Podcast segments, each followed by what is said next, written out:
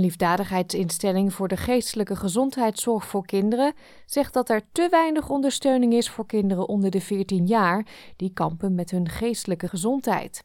Volgens Kids Express is één op de drie ouders in Australië mogelijk niet in staat om de signalen op te pikken dat het niet goed gaat met de geestelijke gezondheid van kinderen.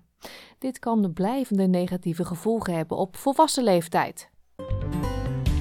SBS Dutch op radio, online en op je mobiele telefoon.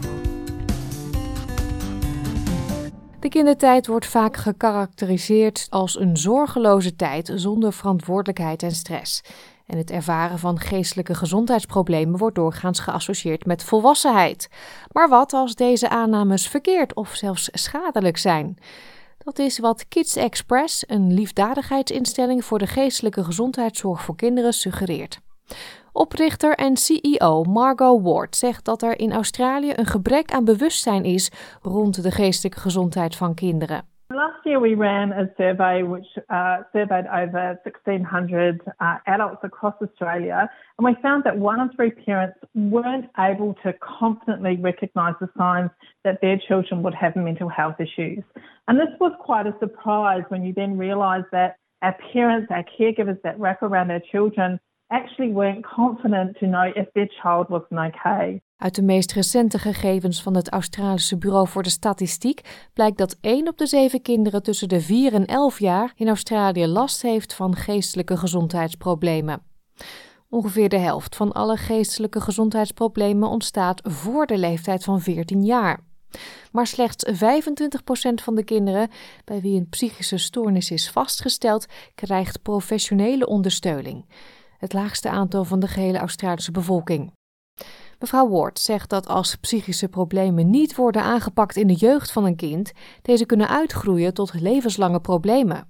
It's really critical that we are now looking at children's mental health as not only an early intervention but a prevention strategy across the age span of our mental health for Australians as a whole. So it's really critical that we actually do this. But we also know that failing to recognise those mental health problems in children can lead to depression, anxiety, um, even post traumatic stress disorder as we grow into young adults and, and to adulthood. So it's critical that we actually intervene as early as we possibly can.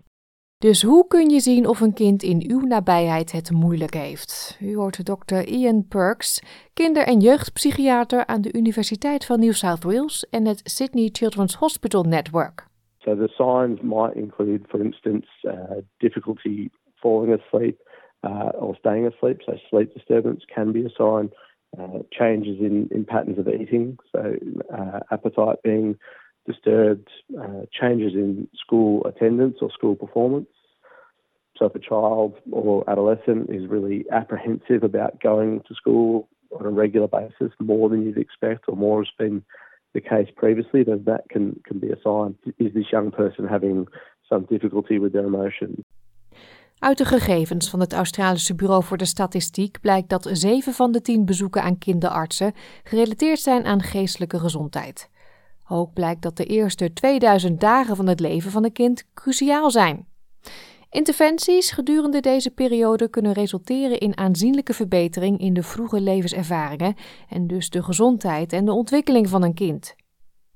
Virtual Services Manager bij Kids Helpline, Tony Fitzgerald, zegt dat ouders die openstaan voor het luisteren naar de emoties van hun kinderen een groot verschil kunnen maken. About 37% of all of our contacts at Kids Helpline come from children who are aged 14 years or, or, or younger. So, so we know it's a significant issue. I think the first thing is, uh, you know, making space for a for a conversation and also to listen and, um, you know, just try and tease out what's what might be going on. But if if a parent's really concerned, it's about really trying to get to access a healthcare professional. Um, um, who then can help them explore some paths to, to getting support, whether that's through, you know, um, through seeing a psychologist or a psychiatrist or, or other supports that might be available.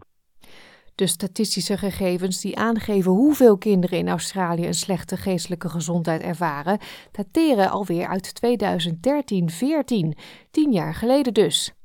Meneer Fitzgerald denkt dat sindsdien veel meer kinderen geestelijke gezondheidsproblemen ervaren. I think there's been some really great in, investment um, from different governments, uh, but there's a long way to go. School councils are not resourced anywhere near what they need to be. They're typically in a school for a few days a week. Sometimes it's one school counsellor one day, another one the next day. So resourcing that type of role uh, so it can be full time, permanent within a given school would be uh, one terrific advance. There's really important research testing the effectiveness of online treatment options for children with men- mental ill health, and so it's a rolling challenge, uh, but one which requires additional investment. Dr. Perk zegt dat er veel meer overheidsinvesteringen nodig zijn om de ondersteuning voor kinderen te verbeteren, zowel op scholen als in het algemeen.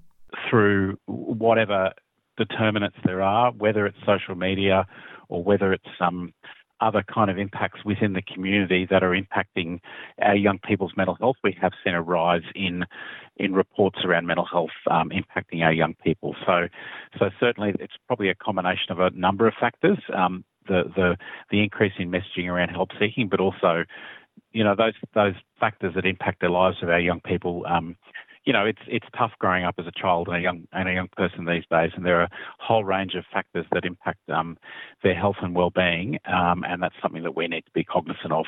Compared to potentially ten years ago, we've certainly seen an increase. Heb jij of ken jij iemand die hulp nodig heeft? Bel dan Lifeline op 131114 131114 of de Kids Helpline op 1800 55800. 1800 55800. Dit was een verhaal van Kira Heen voor SBS Nieuws door SBS Dutch vertaald in het Nederlands.